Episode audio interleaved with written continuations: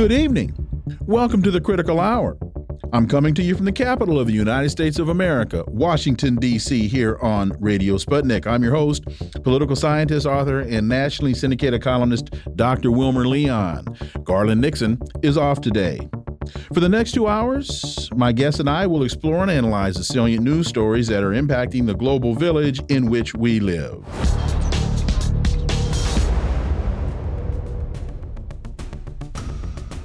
It is being reported that the death toll from the Maui wildfires is likely to grow over the next 10 days. The death toll from the wildfires is now at 96 and is expected to rise as specialist search teams comb through the scorched ruins for human remains. Hawaii Governor Josh Green said in a video update they will find 10 to 20 people per day, probably, until they finish, and that's probably going to take 10 days. The fire that overcame Lahaina spread at a rate of one mile every minute, the uh, governor said, propelled by wind gusts of up to 81 miles per hour and inflicting an estimated $5.6 billion worth of damage. As the death toll from the wildfire climbs, more relief is starting to arrive in the destroyed city. The toll of the tragedy has been especially difficult for Native Hawaiians who have lost everything and are concerned that they could be priced out of paradise. And, folks, to that point, so many of us see the island or the islands as a vacation paradise, which it is, but it's also important to remember that people live there people call that home. They can't just fly in and then fly out when their vacation ends. Some who survived the devastation are expressing outrage over what they saw or what they say was the absence of a clear evacuation plan that could have saved lives. They say it's believed those who did make it out, including working class locals, homeless people, and possibly even tourists, potential victims of authorities' failure to provide advance warning and timely first responder assistance. And folks, you know, one would think that with six active volcanoes in Hawaii, that there would be a better plan in place. We will, in the coming days, see how these issues get addressed. Well, U.S. and Finland are negotiating a defense agreement that would see deployment of American troops. Washington and Helsinki are in the process of establishing a new defense cooperation agreement that would see expended deployments of and that should probably be uh, extended, not expended. Deployments of American soldiers and Finland hosting war games. For insight into this, let's turn to my first guest. He's a Moscow based international relations and security analyst, Mark Sleboda. As always, Mark, welcome back. Dr. Leon, thanks for having me. It's always an honor and a pleasure to be on the critical hour. So I think and I'm already. I'm all ready to talk some smack about Garland now that he's not here. Oh well, feel free anytime, and when he comes back, you can talk even more anytime you are you are so inclined. Uh, so we discussed late last week, but it's now reported in greater detail that Finland they held a prolonged policy of official neutrality prior to joining NATO earlier this year. However, Helsinki has established deep ties with the bloc over recent decades. The new agreement will expand America's military presence to several Finnish bases, including ports and airports. Uh, your thoughts? What does all of this really mean going forward, Mark Sleboda? It means a new level of escalation between Russia and NATO. Um, uh, and it also means a militarization of Finland and the Russian Finnish border. Um, despite uh, Finnish uh, political elites' claims that they have joined NATO for uh, security reasons, uh, this is actually drastically reducing the security of the Finnish people. The Finnish Russian border has been for decades essentially demilitarized. Um, it is a long border. It will become the longest border that Russia and NATO share, um, but it is mostly inhospitable terrain, um, frozen swamp for, for, for much of the year. Um, what it means is that this border is now going to be heavily militarized. Fences are going to go up, troops are going to show up on different both sides of the border. As US troops and their equipment are stationed, Russia will respond to that escalation with their own creases of troops. Um, we will start to see games being played with aircraft and drones uh, in uh, the skies and waters off Finland around the Kola Peninsula.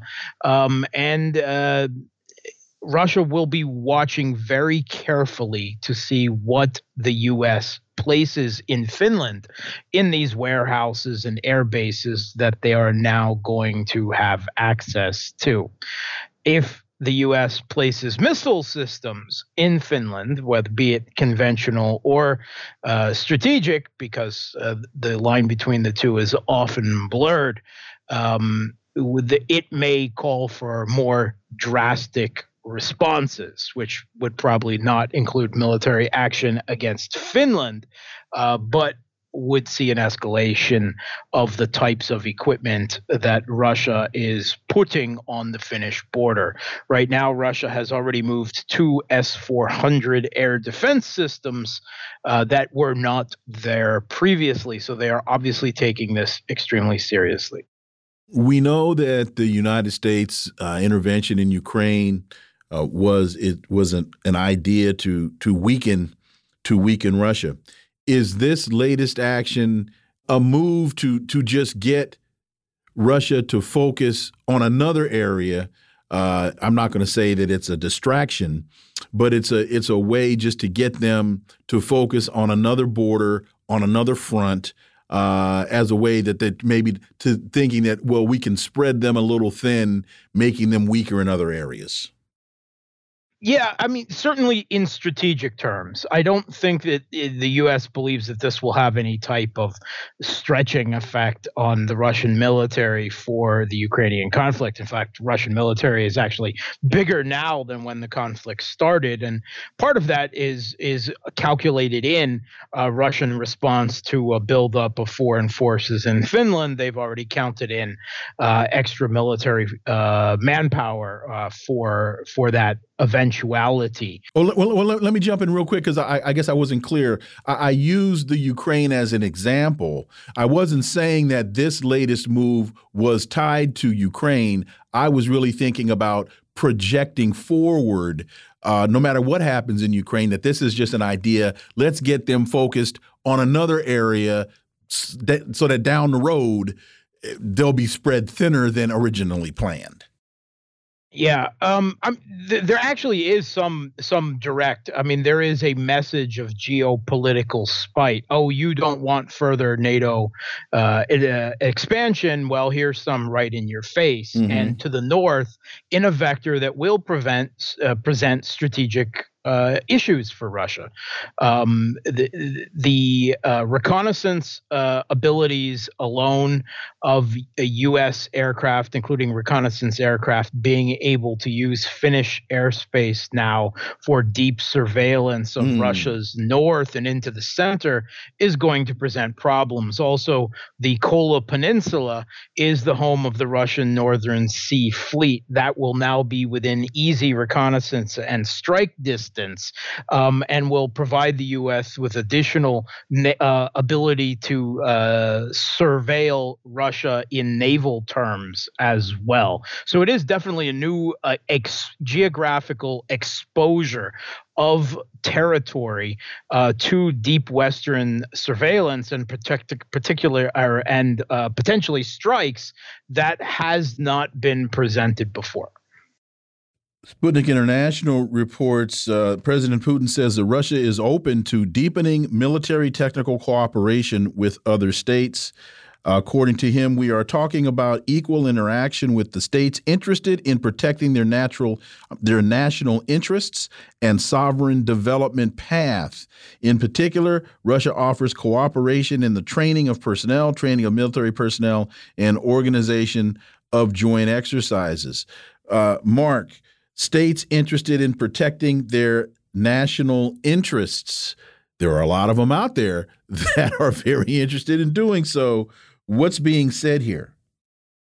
Yeah, I, I, think this actually carries on directly from our previous conversation on Finland, because what this is essentially saying is that the Cold War, the new Cold War, the new arms race, the new militarization, inevitably, when a country becomes involved with a uh, say a great power for military supplies, that is an indication of geopolitical bloc alignment. It's pretty much inevitable. It's uh, very few countries India, to some extent, has been able to avoid that, uh, but Russia is is announcing uh, this as part, uh, you know, not only of assisted genuine uh, desire for assisting other countries uh, with asserting their national sovereignty against U.S.-led Western global hegemony for a price, of course.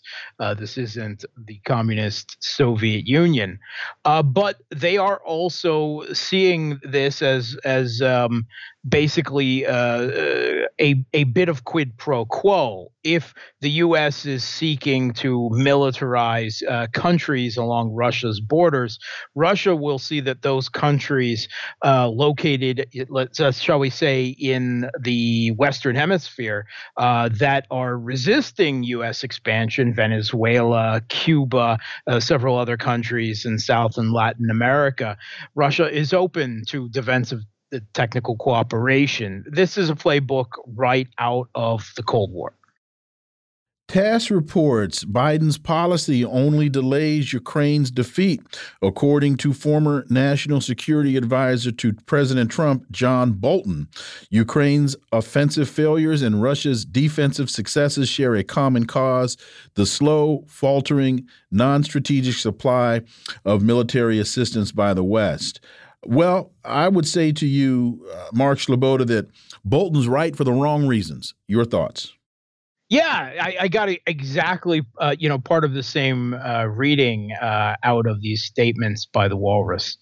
Um, it's it's rather interesting. Bolton, in his speech, does not actually present a, a solution. He says that the uh, U.S. is worrying about Russian uh, escalation in, you know, about an escalation ladder, and uh, Russian escalating in response has hampered uh, Biden and and uh, led to the U.S. supplying uh, arms and escalating military capability to the Kiev regime piecemeal um, bit by bit rather than all at once. It it, it really isn't clear though uh, that the what else could be provided to the Kiev regime that the U.S. hasn't already that would be militarily useful to them, and it also doesn't address you know military questions of their capability in the middle of a conflict to absorb greater military technologies. The only thing the really U.S. could do from military terms is to enter the conflict directly and do the fighting for the Kiev regime with weapons that it actually knows and has the capability to use. But I did find one other very interesting statement in there when actually when he was trying to downplay uh, Russia's um, uh, ability to respond to uh, U.S. Uh, escalations of supply uh, and assistance to Kiev. And he says, you don't need to worry about Russian escalation. He said, there's no evidence that Russia has conventional military capability to threaten NATO or a desire to launch a nuclear strike. Now, I actually agree with him, but isn't one of the constant rationales we're continually presented with, including very much by the Kiev regime, that the Kiev regime is fighting Russia so that NATO doesn't have to, as if it wasn't for Ukraine, uh, the Kiev regime being there, that that uh, Russian forces would be invading Poland tomorrow and Peoria next week. Uh, Biden or Bolton is actually admitting right here that that's not true in the slightest. That this really is about NATO expansion, not some Russian desire for suicidal conquest against NATO. Mark Sleboda, as always, thank you so much for your time. Greatly, greatly appreciate that analysis. And anytime you want to insult Garland Nixon, please feel free. Uh, greatly appreciate it, man. Look forward to having you back. Thanks for having me. Folks, you're listening to the Critical Hour on Radio Sputnik. I'm Wilmer Leon. There's more on the other side. Stay tuned.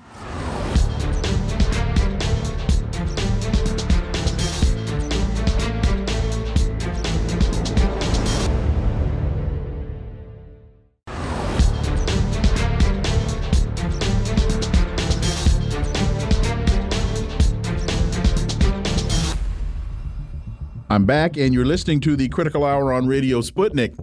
I'm Wilmer Leon.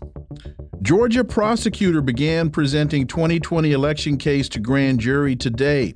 Prosecutors in Atlanta, who have been investigating whether then President Donald Trump and his allies illegally meddled in the 2020 election in Georgia, have begun presenting their case to the grand jury.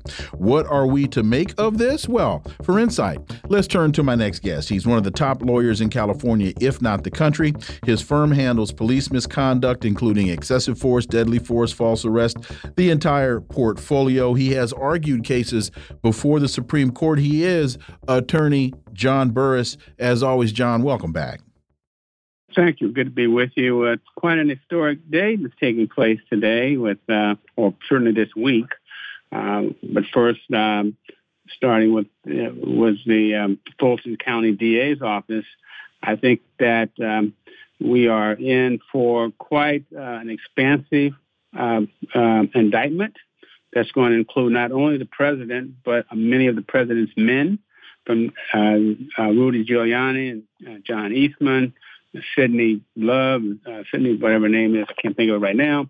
But all these people tried to co-opt um, the um, the election in Georgia, and mainly what they wanted to do was disqualify the black vote. And this is the real significant aspect of all of what the president is doing.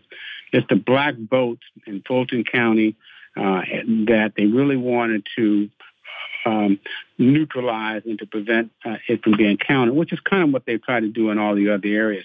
I think it was particularly egregious the manner in which they tried to substitute you know, their own electorate people um, uh, to vote, um, clearly suggesting that uh, that the, the folks that had been elected were illegitimate or fraudulent. And, and, so what we have here is this complete effort on the part of the president's men, uh, the former president's men, to really um, neutralize and eliminate the voting um, influence of the African American community. Uh, one of the more damning events that should come out here is, and, and maybe how they treated the two African American um, uh, poll watchers, which was really uh, outrageous in the sense that it created, made them sort of a, a, a pitfall uh, for um, what they believe was fraudulent conduct on the part of them and others. So all of this is going to come out, and I think it's very, very important. I think that the interesting part about this is that she has, said to bring forth racketeering charges, which is a really something that normally happens in criminal enterprises involving mafia uh, type conduct um, that is, that's expansive.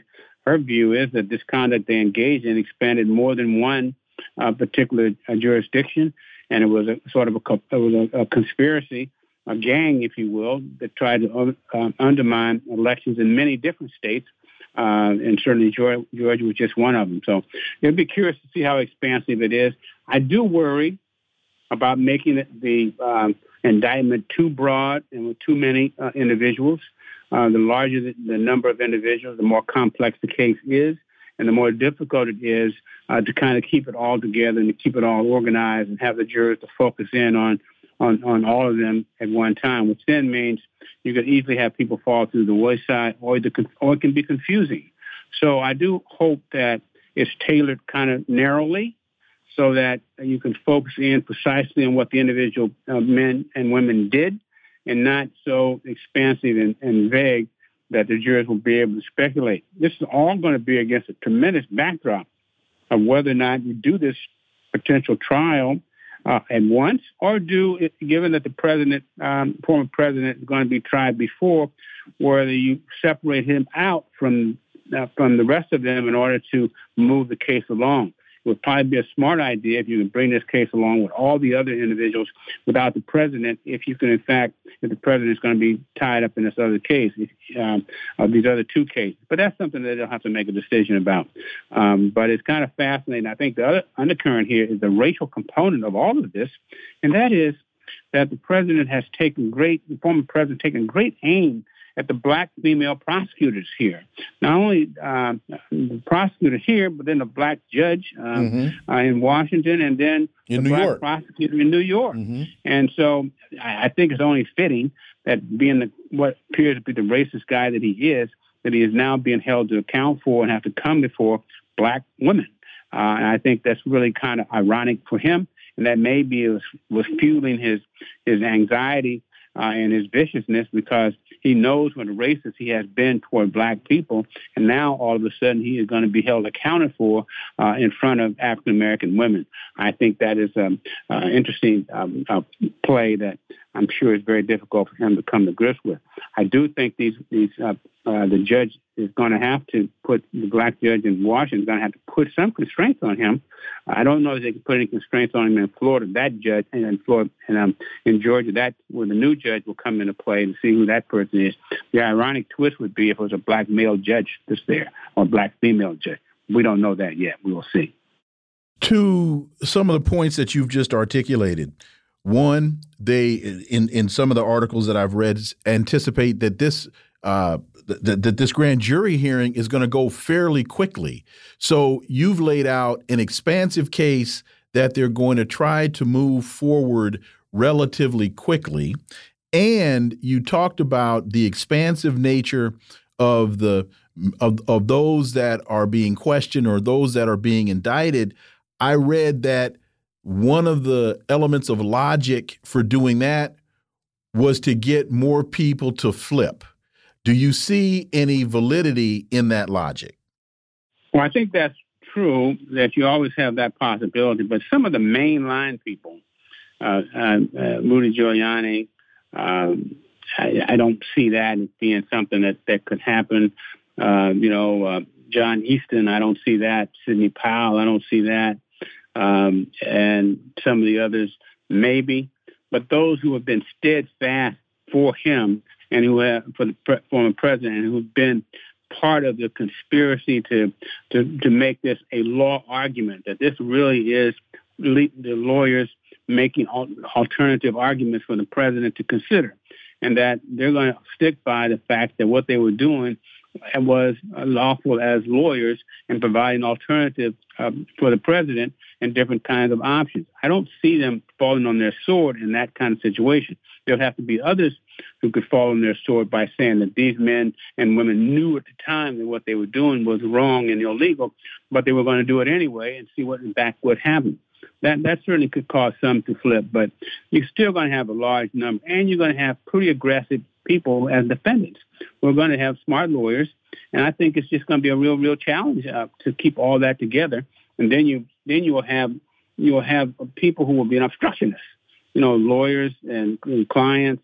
I mean, it could be a massive uh, activity that can get out of control pretty quickly.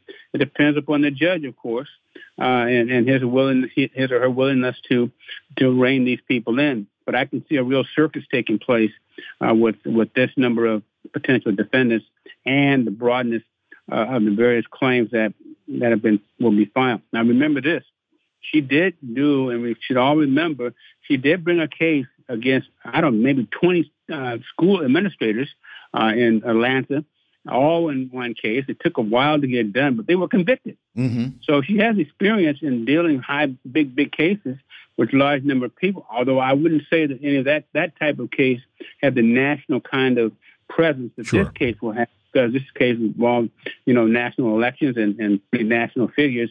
Uh, and, and so it, it will be much more of a challenge.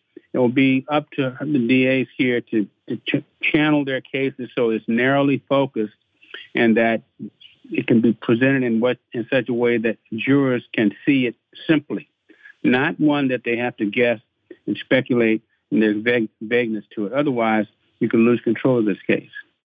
The Wall Street Journal uh, switching to another element of intrigue. The Wall Street Journal, Hunter Biden says prosecutors reneged on plea deal.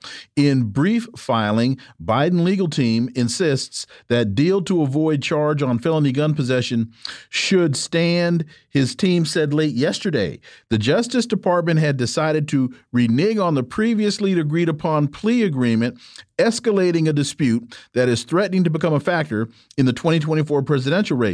What's interesting in that argument is when Hunter Biden says that the Justice Department reneged, that's his dad's Justice Department. Well, in a way it is, but in a way it is. I mean, his dad appointed the, the justice. Uh, oh, I, I realize that, but but that's his guy. Go ahead. Well, well, that's this guy, and, but it's a wink and a nod guy. Mm-hmm. I mean, he's not a, not a person who wants to create the impression that he has influence uh, in the Justice Department. At least the president doesn't. So I I get that. I'm a little surprised that the Attorney General the what the General did it the way he did. And I, I actually empathize with um, with Hunter Biden here as a former uh, as a criminal defense lawyer that you make a deal uh, with the prosecutor, you expect the prosecutor to honor that deal. On the other hand, it may be, you know, you could say you the defendant could be in a position where they know a whole lot more, and they don't want the prosecutor to pick up on it. And as the prosecutor gains more and more information, he kind of says, "Wait a minute, this ain't the information that we were dealing with, and you knew it." And, and so you allowed me to go down this road and make me, and ultimately I was going to look foolish, and the judge kind of exposed that. So, uh, you know, and so and there's there's blame to be said on both sides here. I, I think Hunter Biden, look, it sounds to me like he was involved in a great deal of shenanigans with with, with various um, countries, and he was taking advantage of his name, and and you know to some extent he got caught uh, for that, and he had he's paying a particular price. I I don't get the gun charge per se because if you're not supposed to have a gun, and and you buy it for whatever your condition is, that that can normally be a prison sentence. Mm-hmm. So for him not to get a prison sentence meant to me that he was getting a pretty good deal there, and it also suggests that the judge had problems with it because the judge has cases all the time when people come in with these gun cases, and, and given how interpretations are made, people go to prison having gun guns. So I, I think that's the problem that people were thinking that he was kind of getting away kind of light on the gun charge, not necessarily light on the on the tax issue because people don't all normally get charged uh, with uh, evading taxes taxes if they in fact have paid those taxes. So he, he there's a double-edged um, interpretation to be placed here, but I I think that he, he's probably getting the short end of this because he is the president's um, son, and there's a lot of political pressure on them to make sure that he gets a higher deal. And the Republicans are still un- unhappy; they're never going to be unhappy. What they want, of course, is this to be a political deal, as as, as Washington Post suggests. They want this to be a political issue for the president. Biden's best deal here would be to resolve this case as soon as he can even if it meant that he has to do some jail time. Well, behind that gun issue, uh, anytime you inject a gun in, that you're not supposed to have into the conversation, you got a problem with your conversation. We got about a minute and a half. So if there's not enough intrigue and mayhem, Florida Republican files articles of impeachment against Biden. Uh, they did this on Friday and announced it, I think, over the weekend. The articles accuse of fraud, obstruction of justice, and bribery stemming from allegations of illegal business dealings and tax crimes. It's long past time to impeach Joe Biden. Greg Steube from Florida said in his statement, he's undermined the integrity of the office, brought dis disrepute. We got 45 seconds. John Burris. This is, this is uh, political gamesmanship at its best. There's been years and years of investigation of Joe Biden. None of that has shown that he's had any kind of dealings in terms of corruption. It's really trying to make the, the quote the Biden crime family. That is to say, the, the son had received a lot of benefits from the work that he was doing, although work hasn't suggested it was illegal or not. So this is a political um, um, move here and has no substantial merit. But politics being what it is, it certainly will be used in some way uh, to see if they can prove. The problem is they have the majority in the in the, in the, in the House, so you could he could be impeached. Mm-hmm. You know, okay. It only shows that impeachment isn't what it used to be for years gone by. It's really kind of more of a, uh, you know, a political ploy okay. more than anything else these days. As always, Attorney John Burris, thanks so much for your time. Greatly appreciate it. Look forward to having you back. Absolutely. Take care, my friend. Folks, you're listening to the Critical Hour on Radio Sputnik. I'm Wilmer Leon. There's more on the other side. Stay tuned.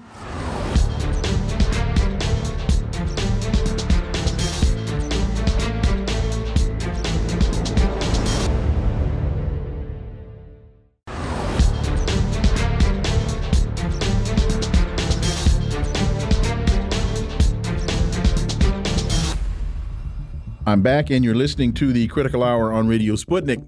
I'm Wilmer Leon. It's now being reported that the Niger coup leaders are going to put deposed president on trial for treason. That's a real blow to Victoria Nuland's mission. For insight into this, let's turn to my next guest. He holds the John J. and Rebecca Moores Chair of History and African American Studies at the University of Houston. He's one of the most prolific writers of our time. His latest book is entitled Revolting Capital Racism and Radicalism in Washington, D.C., 1900 to 2000. Dr. Gerald Horne, as always, sir, welcome back. Thank you for inviting me. So it's now being reported that Mohamed Bazoum, the deposed president of Niger, may face treason charges. The junta that unseated him last month announced making, or I'm sorry, marking a new escalation in tensions with neighboring countries that are pondering military action against the leaders. A military intervention would put hundreds of Western soldiers, including U.S. and French troops who are based in Niger, to assist in combating regional militant groups at risk of being caught in the middle. Uh, your thoughts, Dr. Horne, when you first heard what many would say is quite an escalation? Quite an escalation indeed. And I'm sure Washington has paid close attention to the fact that there have been raucous demonstrations in front of the French military base in Niger, none so far in front of the U.S. military base. And that may encourage the tendency already existent in Washington to try to do a number uh, on its alleged ally in France by cutting some sort of deal with the new regime. In any case, Washington and France, which are encouraging an intervention by Nigeria and the Economic Community of West African States, which it leads, they may have overreached. And I say this because in Nigeria, as we speak, there is mounting criticism of President Tinubu, who, of course, has been rather vocal in terms of watch, uh, wishing for a military intervention. What has been resuscitated are these stories that are now front page news. And of course, were front page news before he was inaugurated in late May 2023 about his nefarious connections when he was in the United States between 1977 or so and the mid 19 and the early 1990s when he fled. The story is that this apparent mild mannered accountant was actually an accountant for drug dealers. In Chicago, of course, he attended Chicago State University. And the idea is that there was a kind of Pan African unity, but not the sort that Du Bois or Garvey would have hoped for. That is to say, Nigerians wholesaling drugs, hard drugs, heroin, not least, and being retailed by so called street gangs, African Americans. Uh, that led to a number of trials. The ring was busted. Apparently, Mr. Tinubu fled in the early 1990s, leaving $500,000 on the table as a result of a so-called civil forfeiture. And this is now a matter of public concern in Nigeria. Actually, it could lead to his premature exit from the presidency.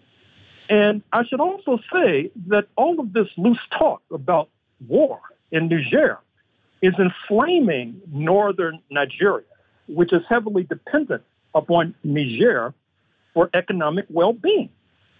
I don't see it as accidental that if you look at Nigerian media, disproportionately the critics uh, of this proposed intervention are Hausas who are disproportionately cited amongst the border uh, with Niger, and of course there are Hausas across the border uh, as well.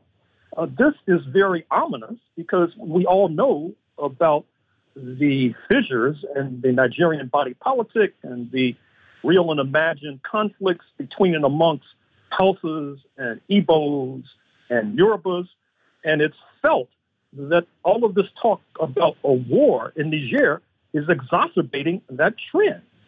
And then there's the question of how and why it is that Washington and Paris are egging on Nigeria. Uh, to get an understanding, you may have to go back once again to the writings of W.E.B. Du Bois, who, during the midst of World War I, wrote one of the most, most famous essays. I'm speaking of African Roots of War, where he suggested that World War I was driven because the European powers, Germany not least, felt that they did not have enough African colonies, particularly compared to a relatively weak France. And I would dare say that the exploitation and plundering of Africa still makes it a target of opportunity for the imperialist camp. Witness France still has military bases uh, in Africa. And then that leads to corrupting African leaders. Recall that it was in 1979 that then President Giscard d'Estaing was driven out of office in a sense because it was revealed that he was receiving diamonds from the despotic tyrant Bokassa in the Central African Republic, diamonds illicitly. Recall that about a decade or so ago, when Libya was attacked, that was led or spearheaded within NATO by France under President Sarkozy as an attempt, it was said, to cover up the story that he was getting money under the table mm-hmm. from Libyan sources. And so we still see that what Du Bois wrote more than a century ago uh, still has relevance, I'm afraid to say, and that argues, obviously, for a militant response on this side of the Atlantic uh, to this idea, uh, spearheaded by the State Department and Victoria Nuland, that there should be some sort of military intervention uh, in Niger. Because this, if it were to occur, would not be the first time. Recall what happened about a decade or so ago when there was an electoral dispute in Cote d'Ivoire, Ivory Coast, just like there have been electoral disputes in the United States of America. But what happened in Cote d'Ivoire is that French paratroopers landed. They bundled up one of the candidates and shipped him off to the International Criminal Court in The Hague to stand trial and installed their placeman, President Ouattara, who, of course, now is cheerleading for a French intervention in Niger and has promised to contribute 850 troops. So once again, in order to preserve not only uh, peace and security on the African continent, but I would argue worldwide, uh, we have to drive the imperialists out of Africa because their presence there only stirs up a hornet's nest of controversy and conflict, and that redounds to the detriment of Africans, not least. And two things. One, to your point about Tinubu, uh, if you just Google Tinubu drug lord, you'll find all kinds of uh, headlines. Was Tinubu announced as a drug baron by different countries? That's from March of 2023. Uh, Tinubu bagman for Chicago cocaine mafia. That's from the Gazette uh, uh, four days ago. Bola Ahmed Tinubu from drug lord to president. That's from last year. So there are a lot of stories, and I'm, I'm just picking out a couple off the top. Tinubu finally defends his documented drug trafficking. So that's from Business Day. Uh, so there are a number of stories to that headline. Uh, you know, in listening to what you've just laid out, it, it just goes back to the the inherent problems with the map that we consider to be the continent of Africa, how the lines how the how the the the the borders have been artificially constructed and the ongoing tensions that result from that uh, because of the the structure of the societies on the continent the tribal structure of the societies. And you made a point and just really quickly you made a point last week and I, I can't remember who you were talking about but you made a point you said just look at his nose and I think that went by a lot of folks, but I think you were referring to what it is I'm just I'm now asking about. Well, to be sure. And I should also say that apparently Washington is not releasing documents about the ill-gotten gains of President Tinubu, one of the richest men in the world, by the way, perhaps the richest president in the world as we speak, which is saying something. And that puts him in the camp, I'm afraid to say, of the former president of Panama, Manuel Noriega, uh, who, as you know, was apparently implicated in drug dealing. And then Washington turned on him, invaded Panama, and drug him back to a prison cell in Florida. Now, I don't think that there is a chance that Washington will invade Nigeria in case Mr. Tinubu decides not to play ball. But obviously, they have the sword of Damocles hanging over his neck. If they release these documents to the journalists in Lagos who are clamoring for these documents about Mr. Tinubu, uh, it could be game over, game set match uh, for the current Nigerian president. And that would backfire tremendously uh, against Washington, which is probably one of the reasons why the documents won't be released, because waiting in the wings are candidates for president who are much more progressive uh, than uh, Mr. Tinubu, just like recall that when Giscard d'Estaing was driven out of office in late 1979 mm-hmm. because of his peccadillos with the Central African Republic. Replacing him was the socialist, Francois Mitterrand. So Washington has not learned the lesson. France has not learned the lesson.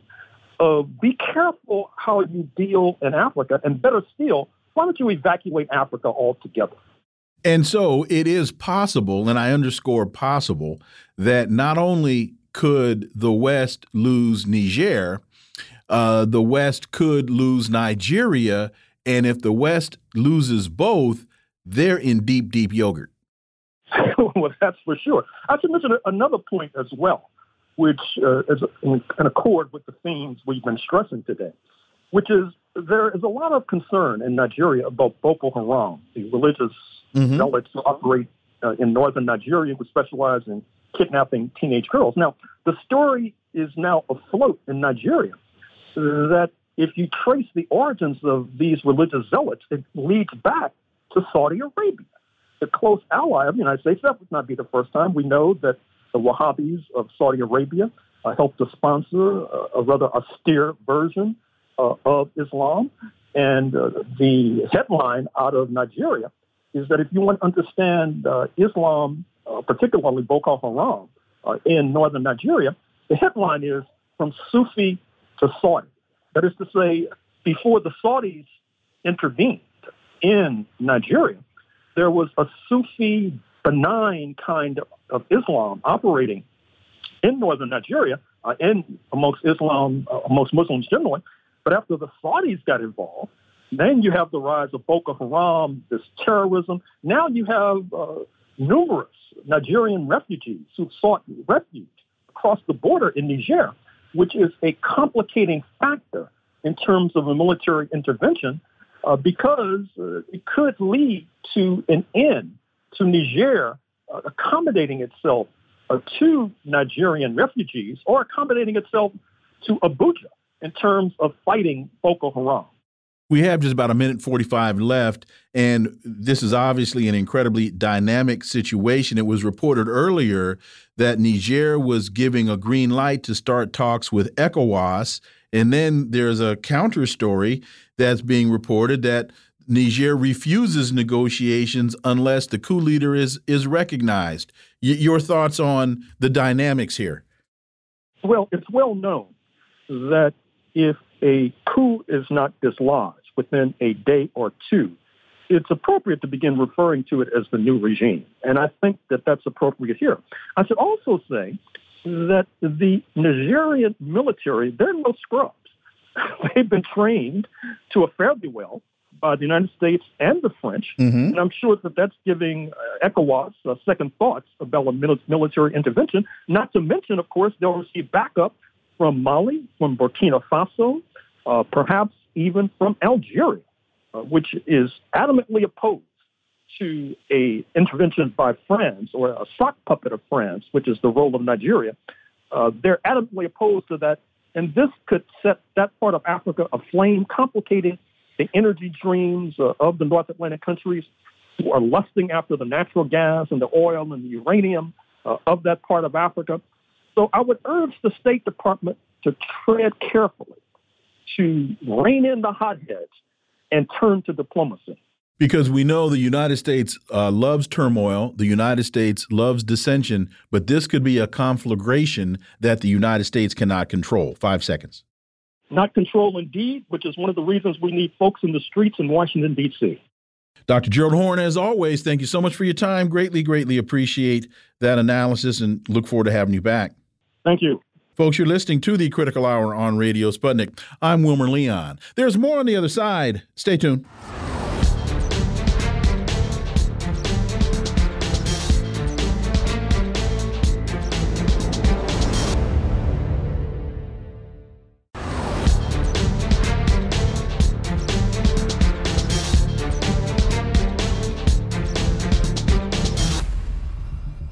I'm back, and you're listening to the Critical Hour on Radio Sputnik.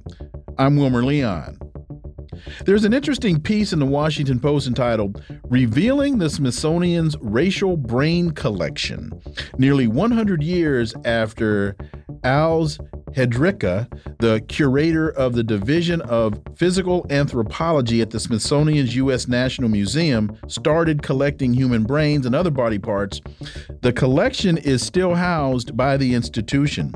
For insight into this, let's turn to our next guest. She's a historian, journalist, and author of In Search of Purity Eugenics and Racial Uplift Among New Negroes, 1915 to 1935, as well as Pop U, Popular Eugenics in Television and Film, and the novels Fester and Spill. Uh, she is Dr. Shantella Sherman. As always, it's been a long time, but welcome back. Thank you. I'm happy to be here. So, this uh, collection is stored in a museum facility in Maryland with 254 other brains amassed mostly in the first half of the 20th century.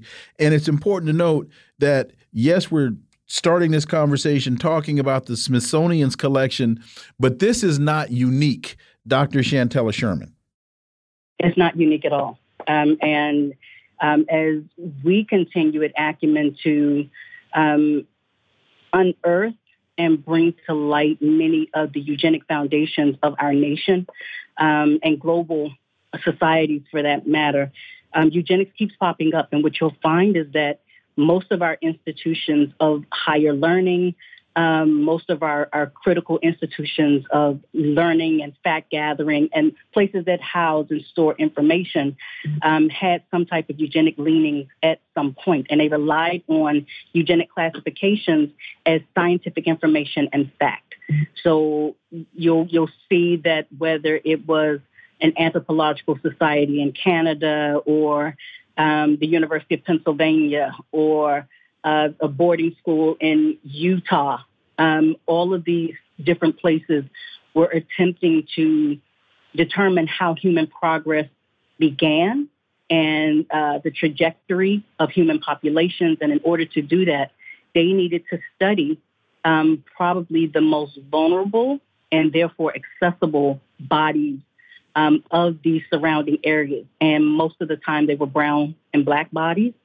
And to ensure that they had the specimens that they needed, they went to um, asylums, uh, boarding schools, um, hospitals, institutions of higher learning, and, and sometimes hospitals in areas where um, there were vulnerable populations where if a person didn't come to receive a body of a relative who had passed away quickly, those bodies would be turned over to um, as cadavers, quote unquote, to scientific communities specifically for these purposes to study race science and to try and determine um, the evolution of different groups of people along eugenic strains and eugenic platforms. So, Hrdlicka, a prominent anthropologist who believed that white people were superior and collected body parts to further what is now debunked theories about anatomical differences between races, had this collection uh, at the Smithsonian. Do you have any insight into, especially based upon your studies, because you are an expert on eugenics, why are many of these collections still being held? Is it to document the fact that these were a part of what was considered science at the time? Uh, is it that they don't know what to do with the remains? Uh, a combination of the two? Why? Two things. Why are these collections still maintained? And are these uh, collections available for for the public to see, or are they just are they just stowed away in drawers somewhere? Most of them are just stored away at this point. Um, it's a, it's a complicated question, Wilmer, and I think for as many different um, organizations that have these these um, cadavers or these body parts and these pieces, um, you would have as many answers. In some instances, in many instances, the families of the of the the people um, whose body parts are, are stored there don't know that they're there because no one ever signed a release to have this done. Um, if you were in an asylum somewhere, you may be told that the, the uncle or aunt or the relative passed away. And the organization or the asylum would bury the, the person, you know, for your benefit, and mm-hmm. that would be it. Mm-hmm. Um, they, they are in charge, or they, you become a ward of the state. So as a ward of the state, your family doesn't get your body back. Mm-hmm. And so you don't, you have no idea what's happened um, you don't know that you can come forward and ask for the remains. You don't know that the remains aren't buried somewhere, you know, in, in accordance with the way folks are supposed to be buried, very respectfully. You don't know that, for instance, um, when we talked about uh, Baartman, the quote unquote Hottentot Venus, no one talks about the fact that it, it was not until Nelson Mandela became president of South Africa that he demanded, you know, that the Louvre give the body parts of this woman back. This young Xhosa princess who, who's been there, you know, since, you know, maybe 1800, 17 to 1790s. Who was going to ask for the body parts back? And someone, the country would have to ask for it back if it's a global space or the family members. And if the family members don't know that their, their child or their relative um, is not buried somewhere, or in the cases, for instance, of indigenous uh, native schools, boarding schools, where Native American children were taken from um, reservations or taken from their families to uh, kill the Indian and save the man, quote unquote. And the children were violated and brutalized. Many of the parents, when they went looking for the children, were told their children ran away. It wasn't until we get to 2020, 2021, and you start to start digging under the earth and you find out there are mass graves all over Canada. Mm-hmm. You're starting to find them in Utah. Um, and so there's just this this scientific community that undergirds um, eugenics that basically says these are throwaways. These are people no one's going to come look for. And so who do you give the, the bodies back to, number one?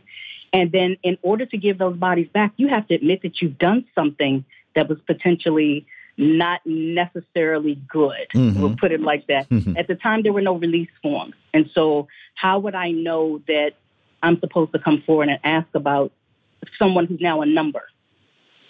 They have no identity. Talk about we don't call it eugenics in 2023 in terms of its its common applications in the in the standard parlance, but the mindset is still incredibly prevalent. Not, and let's just talk about the United States. Um, this is the thing. Well, it's, it's for me, it's almost like talking about the civil rights movement, where we capture it and we believe that there was a start and a finish. Mm-hmm. These aren't fairy tales and novels where you know say once upon a time and then you get to the back and you say the end. These are ongoing movements, and for every movement, there's a counter movement. And at some point, people get quiet, but they're still doing the exact same things that they've always done. If you go to social media today, you'll constantly see where someone does something that's haphazard or foolish. And if the person happens to be black or non white, you'll start to see phrases like Darwinism at its best, or this is the 13%, or, you know, genetic annihilation or race suicide. These are eugenic terms that have come full circle. And I say they come full circle. It's not like they've been resurrected. They've always been here. But it's, it's coming back into the popular domain. Mm-hmm. So science has always kept up with this. Um, and again, when we talk about, for instance, you know, the fact that just in 2021, uh, you had the, the bodies of the two children, two children, uh, Delisha and Tree, Africa. Who were killed when the MOVE bombing took place in Philadelphia in 1985. Mm. In 2021, it was discovered that their bodies, the, the parents have been told that these children had been decimated and were dead by the blast. It turns out that someone gave authority for those two children's bodies to be given to Princeton University to be studied. For what aim and to what end, we don't know. But it was at some point, Princeton transferred the bodies to the University of Pennsylvania, and that's where it was found that they're sitting on a, um, a, a shelf.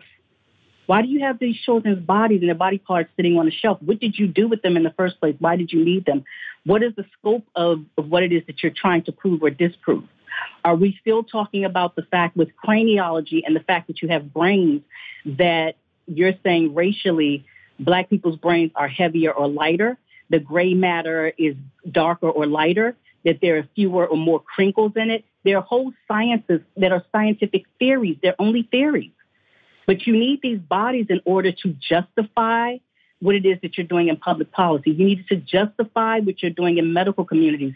So if you take some of this, and it's not to be, con, you know, conspiratorial about it, but if you take some of the logic behind this and start saying things like, I don't see as much damage with the children's brains with the move explosion, does that mean that it justifies the concept that if a football player um, is concussed several times over the course of his career, um, he doesn't sustain sustain the same type of injuries as a white player would because he's black and somehow he's less human. He's more animalistic. His his skull is tougher and his brain didn't sustain um, as much trauma or any trauma, in fact, as say the white player who may have sustained the same injury.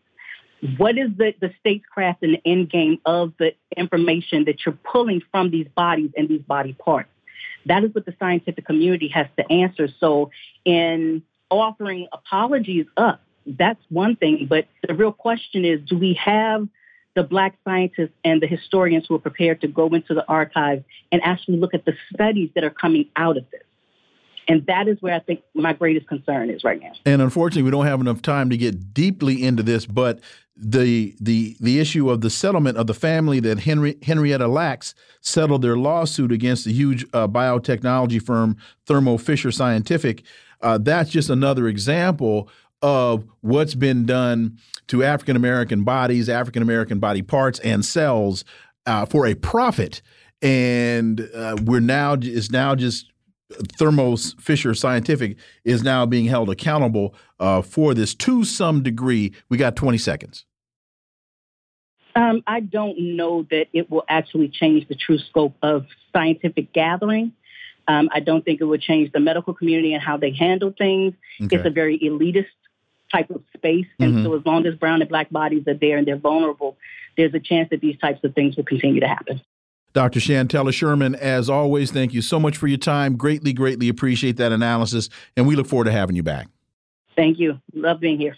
Folks, you're listening to the Critical Hour on Radio Sputnik. I'm Wilmer Leon. There's another hour on the other side. Stay tuned.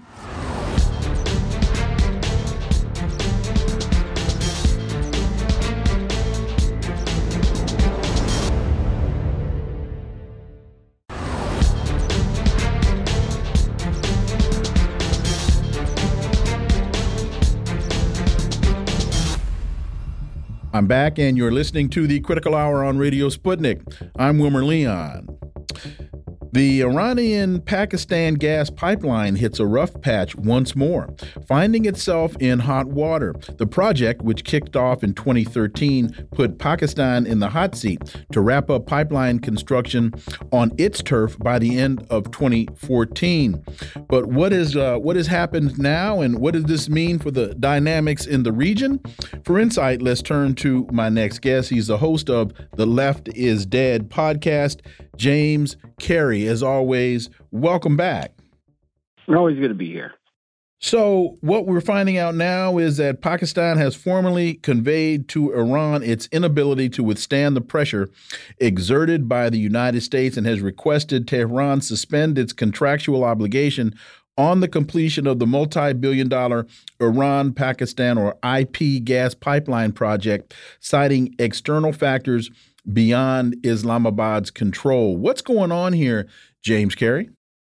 Well, I think we're seeing the U.S. Um, both exert their pressure campaign back in Iran, on Iran and looking to sort of re-normalize as much as they ever were, re-normalize relations with Pakistan. I've seen a lot more U.S. involvement in Pakistan. I would say since the end of Afghanistan. I think um, there's obviously been concern, some concerns with former Prime Minister Imran Khan. Uh, there was just, you know, that was just busted wide open. The U.S. interfering in his uh, in a no confidence vote that'll be taking place, and um, we're seeing. I think we're seeing the U.S. again put pressure back on Iran, and they're working to sort of stabilize Pakistan in a way where they won't cooperate with Iran or say the Afghan Taliban. Musaddiq Malik, Pakistan's Minister of State for Petroleum, made a statement in the lower house, and it appears that Islamabad has finally decided to abandon the gas project as a result of increased pressure from the United States.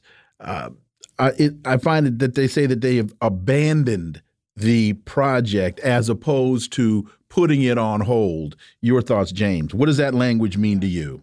Is it as dead as abandoned would indicate?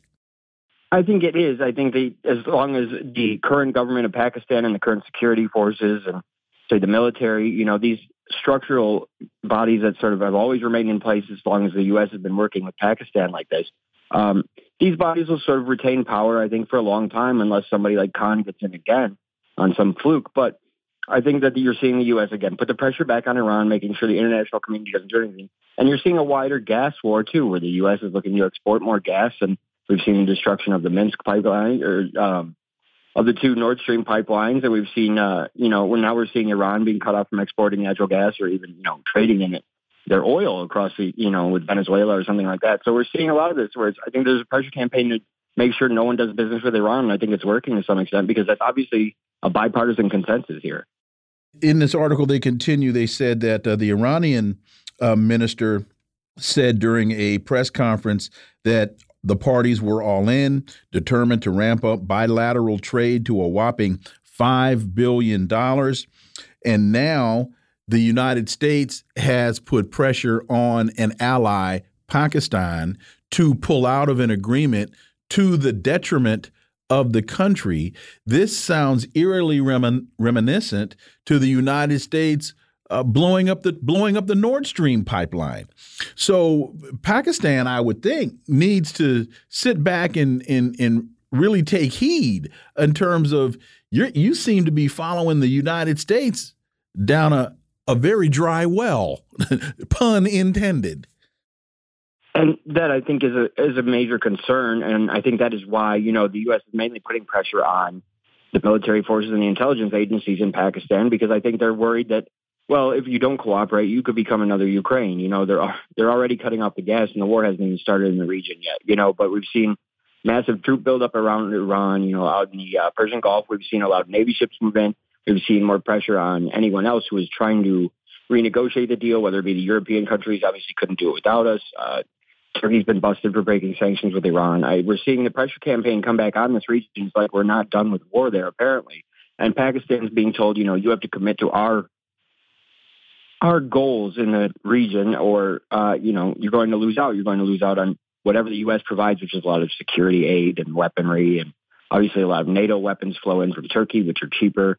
So uh, there's a lot of benefits to being a U.S. ally, but obviously there's a huge detriment to your people, and somebody's made a choice, and this is the choice they made.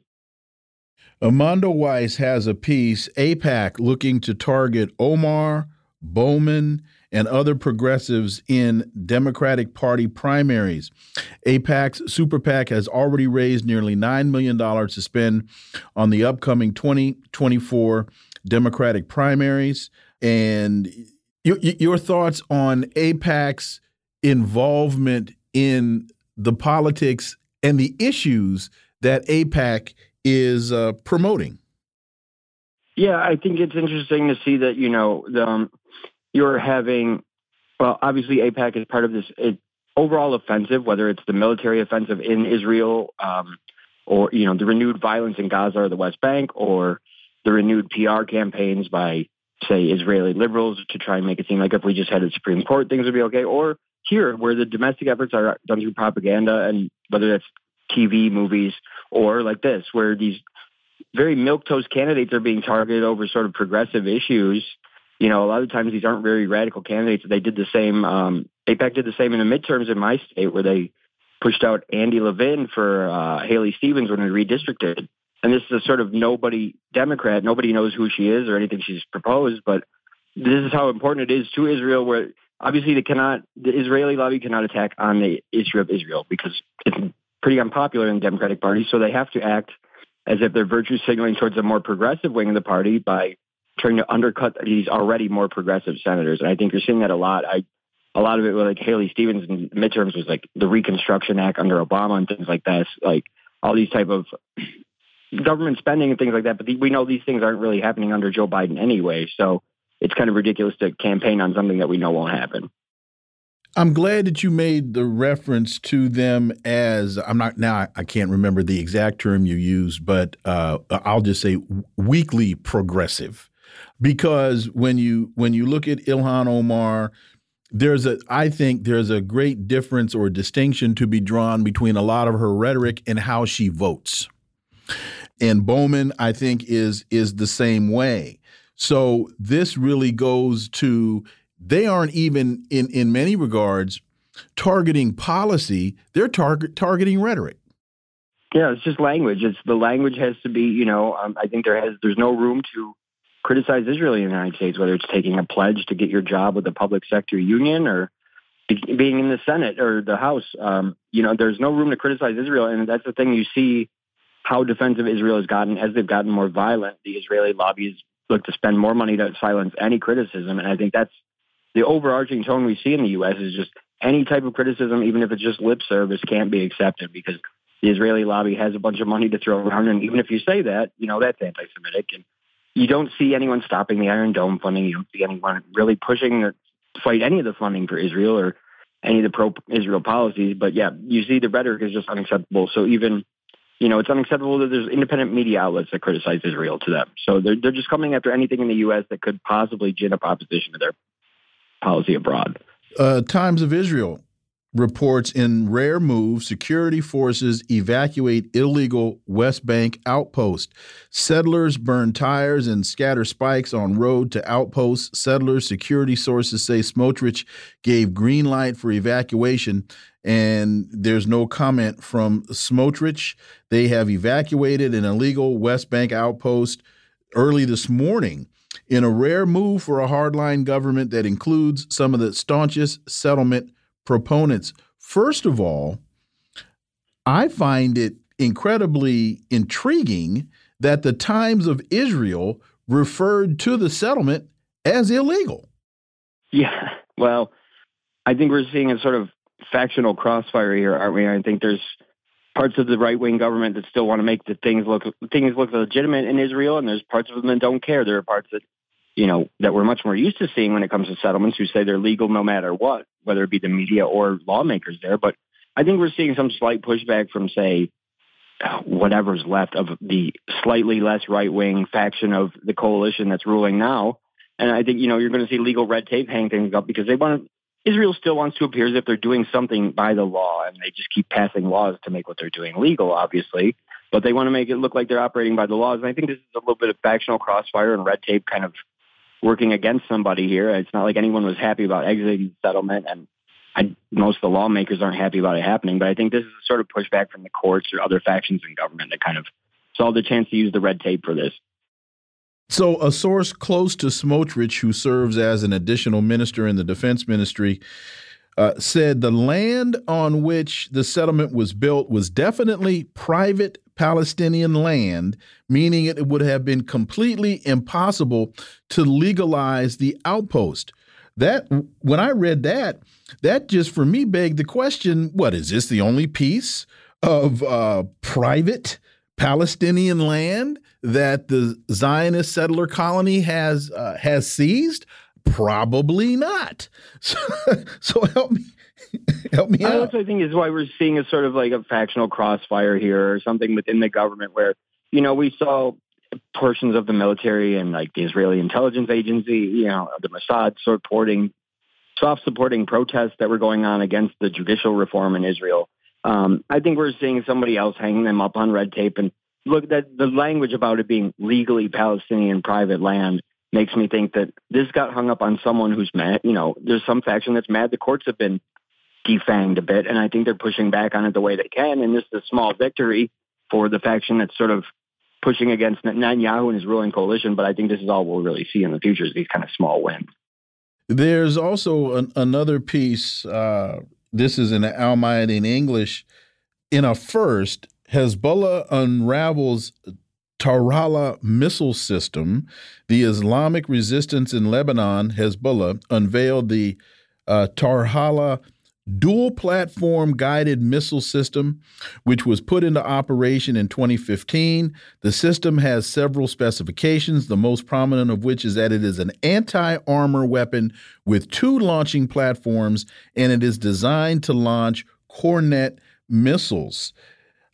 As this system is being deployed, it, it, this made me wonder who is the anticipated enemy and what are the projected targets that they're going to strike?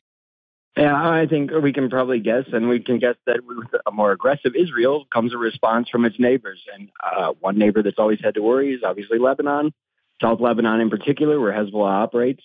Um, I think what they're doing by unveiling these missiles is showing Israel, hey, this will not be a 1980s invasion. This will not be 2006. You have a much different Hezbollah if you come into South Lebanon again. I think this is a sign to uh, Israel, which is obviously getting more aggressive about its territories outside of the recognized um, UN land of Israel, now say the Golan Heights and areas in South Lebanon. I think this is a response to that. And the more aggressive Israel gets, the more we're going to see responses like this from Hezbollah, from Iran, probably from Syria at some point over the Golan Heights. You know, there will be more of these um, shows of force, I think. And Hezbollah has had plenty of time with and experience fighting now. And uh, I don't think these are for the tanks of, say, the Syrian resistance. These are for the tanks, the Merkavas, that would roll over the Lebanese border should Israel decide to get too aggressive. And as we've been seeing reports that it, that it, that the uh, the settler colony in Israel has been looking to buy more and increasingly lethal weapons from the United States, then it seems as though uh, an anti tank system such as this has to be on the list of those that uh, perceive themselves to be enemies of the colony. Oh yeah, and I think with the way we're passing things out now, whether it be armored vehicles or what Israel's going to want is you know advanced jets like the F-35. The way we're passing things out with Ukraine and the way things are going to be floating around, I think not only is Hezbollah preparing for Israel, but they're also preparing for other maybe state or non-state actors that could, you know, mm -hmm. end up mm-hmm. with these United States arms from Ukraine in the near future. So I think they're preparing for all possibilities. But either way, I mean, this will all sort of feed back to Israel and their conflict with Israel at the end of the day. James Carey, as always, thank you so much for your time. Greatly, greatly appreciate you fitting us in today, and uh, look forward to having you back. All right, thank you. Folks, you're listening to the Critical Hour on Radio Sputnik. I'm Wilmer Leon. There's more on the other side. Stay tuned.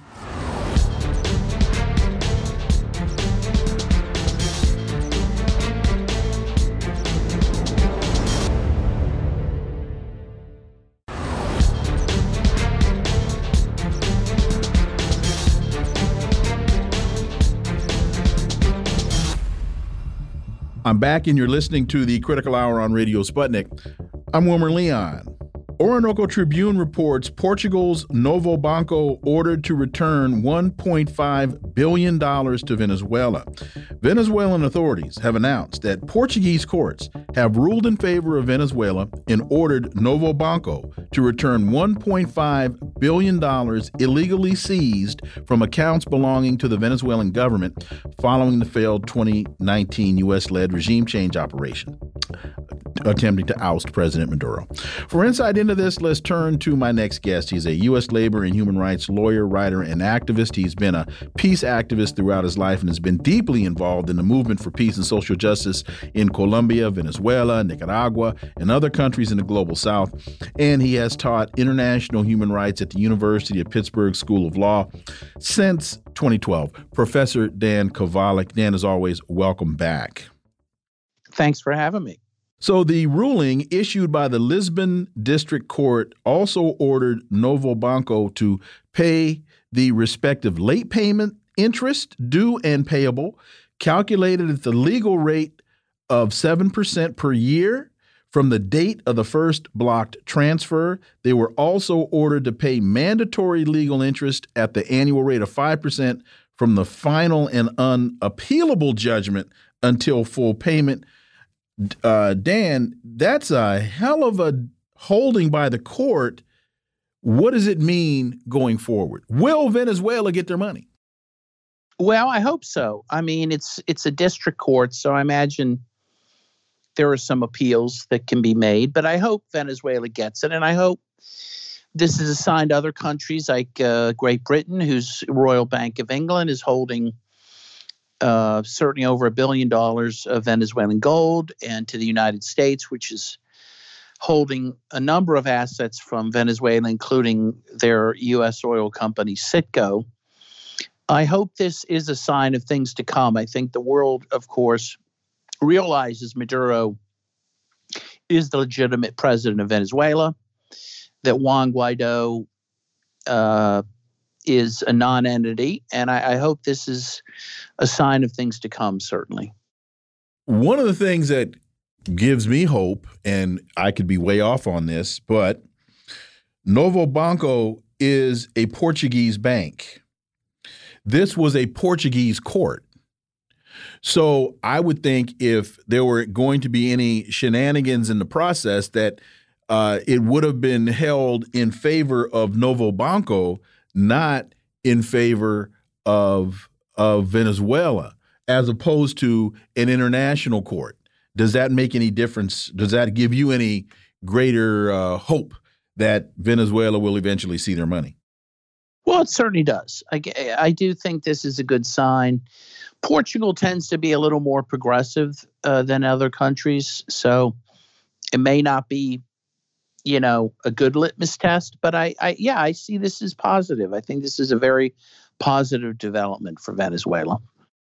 Consortium News. Caroline Kennedy says U.S. open to Assange plea deal. The U.S. ambassador to Australia told a Sydney newspaper that there absolutely could be a resolution of the case just weeks after Tony Blinken told Australia that the prosecution would continue. You know, this is the first time, and, and please forgive me for kind of being obtuse here. This is the first time I thought about Caroline Kennedy in this case. And I'm thinking, after I read this story, I said, we should have been hearing from her a heck of a long time ago, especially, especially since her cousin is running for president. Yeah, no, this is a very interesting development, and I do hope that it's real. I do, I do hope that a solution can be found to to release uh, Julian Assange. That should have happened a long time ago. But yeah, I mean, honestly, it's not a name you've heard in a long time. You used to hear that name a lot. Of course, she's John F. Kennedy's daughter. Um, I guess that makes her uncle the one running for president uh, now, Bobby Kennedy Jr. No, she could no, because because he's he's Bobby's son. They were no, brothers, that's so that's You're her cousin. That's her right. cousin. So they're cousins. You're Yeah. right. They're Mm. right. So yeah, they're cousins. Yeah, and maybe that's why her name is kind of uh, being uh, you know kind of pushed out there because of that. Um, so look, no, it's no, a but, positive. but but but my point is, she's the U.S. ambassador to Australia. So right, She, right. I would have thought. Now I understand that she is in the Biden administration, and therefore she has to toe the party line. But I would have thought, based upon the Kennedy name, and based upon what the Kennedys are supposed to stand for, that she would have been more out front on this and basically said to the president, "I'm a Kennedy. Fire me if you want to."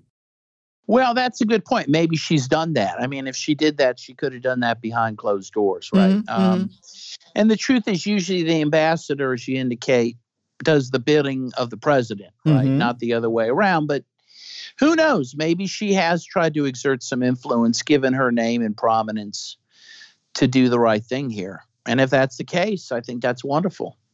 When I saw this story, it, it, it had to me the name Dan Kovalik all over it. 540 days at CIA black sites, 18 years at Guantanamo without charge, hundreds of paintings now out in the world. Ahmed Rabbani, a Pakistani man, was detained by U.S. authorities in 2002 under mistaken identity and spent 18 and a half years at Gitmo. Dan Kovalik man, this is this is just horrific. Yeah, it definitely is. I mean, again, this just shows how the U.S.'s discussion of human rights is is, is frankly just a joke and hypocritical. Um, we've had these people at Guantanamo who've been there for years without charges. Most of them did nothing wrong. A lot of them were just sold into the CIA custody by people with grudges or people who just wanted money. And uh, yeah, then we find out people being held in black sites and then again at Guantanamo in conditions that, you know, have been certainly compared to torture. It's outrageous. I mean, Guantanamo needs, they, it should have been shut down. Well, it never should have been open, but it certainly should have been shut down years ago. You might remember President Obama promised to shut it down. It never mm-hmm. happened. Still operating. There's still people there in custody. Uh, it's a great national shame. It really is an embarrassment to the United States. So, again, you've got a guy he was never charged with a crime. After 18 and a half years, he's now been returned to Pakistan, as they say in this Wall Street Journal piece, a free but broken man. From a human rights perspective, Dan Kovalik, what what should the United States do? Well, first of all, he needs to be compensated for his, the damage is done to him, which are substantial. Uh, but again, also the U.S. needs to release everyone else in Guantanamo. And this isn't the first case like this. You know, I remember there's another famous case of a guy held in Guantanamo. It turned out, you know, it was proven he was innocent. He never did anything. And yet Obama would not have him released. And he ended up uh, dying in Guantanamo under suspicious circumstances. It wasn't clear if it was suicide if, or if he had been killed. And again, this just needs to end. And uh, people who have suffered at the hands of, of, you know, the Guantanamo detention need to be compensated. He was cleared for release from Gitmo in October of 21 after a government review board determined he didn't pose a continuing significant threat to national security and uh, his lawyer said he should never have been held there at all. Uh, and says that he was taken by Pakistani authorities who misidentified him and handed him over to U.S. intelligence officers for a $5,000 reward. Again, these are the, and, and to your earlier point, this is not the only case. In the, and as the adage goes, you wonder why they hate us, Dan Kovalik. Yeah, no, again, you know, many of these people were simply so, sold into custody who had done nothing. They didn't even know why they were there.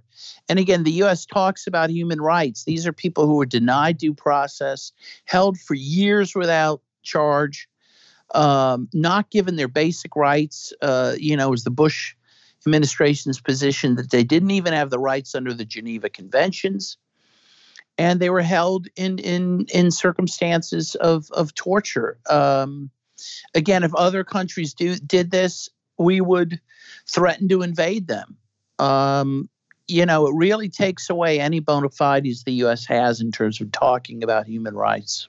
And when you say when you talk about Gitmo, I was there. I, would have to go back and think about the year, but it was when it was still called Camp X-Ray, after the after the Haitians had uh, had been there, and that place is a hellhole. There's no other way to to describe it. It is it is about as inhumane as okay, without me having gone to some of these other black sites.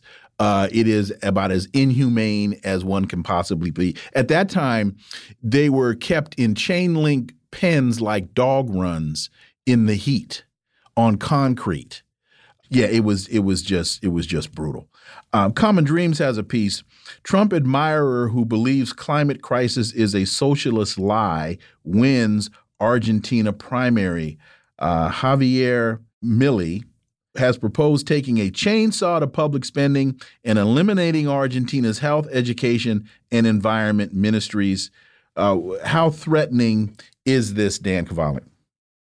Well, I'm not sure. Argentina is going through, you know, a political crisis. Um, there's elections coming up on the national level that could see a either a left winger or right winger become the new president.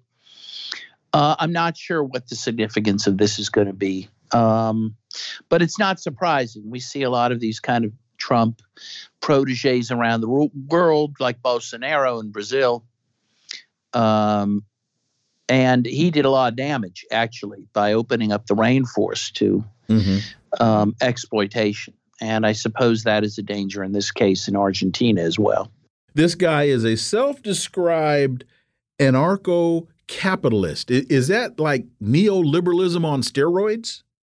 I think so. I think that that suggests capitalism without any restrictions, without any regulation you know, and that, that that's pretty scary given the ca capitalism with the regulations it has is pretty scary. So. So he proposes taking a chainsaw to public spending, eliminating health, education, and environmental ministries. Well, that's a lot of stuff that Donald Trump wants to do. That's a lot of stuff that Republicans and and neoliberals and some Democrats want to do. I see parallels here. We got just one minute. What he's doing is just articulating what a lot of them aren't saying publicly. We got 30 seconds. Yeah, well, again, these are neoliberal liberal policies, which were first put in place in Chile with Pinochet in 1973 and mm -hmm. have mm-hmm. continued to be put in place throughout the world, you know, and continue to, to, we need to continue to resist those, of course. Dan Kovalik, as always, thank you so much for your time. Greatly, greatly appreciate that analysis, and we look forward to having you back. Thank you, Wilmer. Folks, you're listening to the Critical Hour on Radio Sputnik. I'm Wilmer Leon. There's more on the other side. Stay tuned.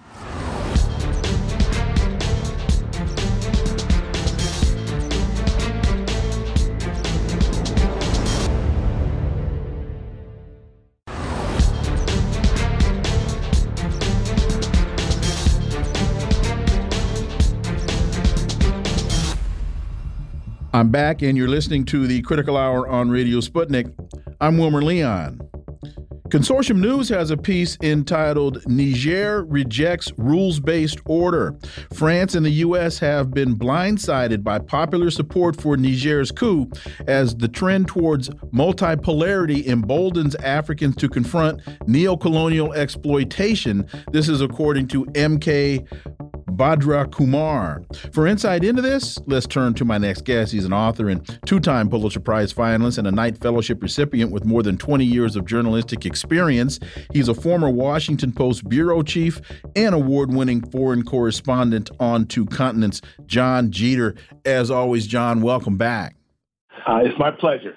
So, the coup, this is according to MK Bhadra Kumar. The coup in the West African state of Niger and the Russia Africa summit the next day in St. Petersburg are playing out in the backdrop of multipolarity in the world order. Seemingly independent events, they capture nonetheless the zeitgeist of our transformative era. And I like the fact that he talks about the zeitgeist of our transformative era because that is exactly how I see it, John Jeter. Yeah, no, definitely. This was an excellent piece. Uh, I'm not familiar with the writer, but this was an excellent piece. He really connected the dots very well, and I think that's what would behoove uh, your listeners is to connect the dots about what's going on.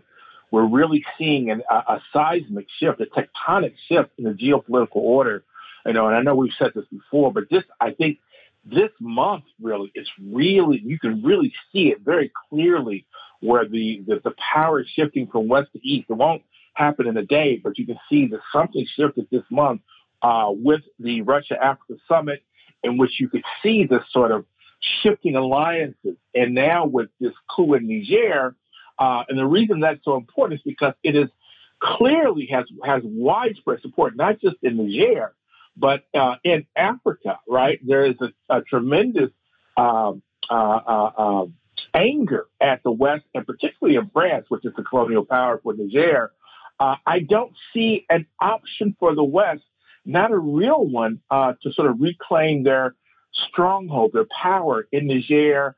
Uh, and, and if that's the case, then, you know, uh, that's all she wrote. Um, the fat lady is warming up to sing. Um, uh, and and uh, I just don't see how they can sort of smooth this over. They've all they've always relied on this sort of being able to isolate African countries and also, the fact that you can't really see what's going on there, so they become the custodians of the narrative. Well, the technology, just like the technology has exposed some of what the police does here in the United States, is also exposing what's happening on the ground in Africa. And so, uh, you know, I don't say it's impossible, but it just seems I can't really envision a scenario where France can go back in and reclaim uh, uh, Niger as a sort of colonial uh, uh, set piece, a colonial possession.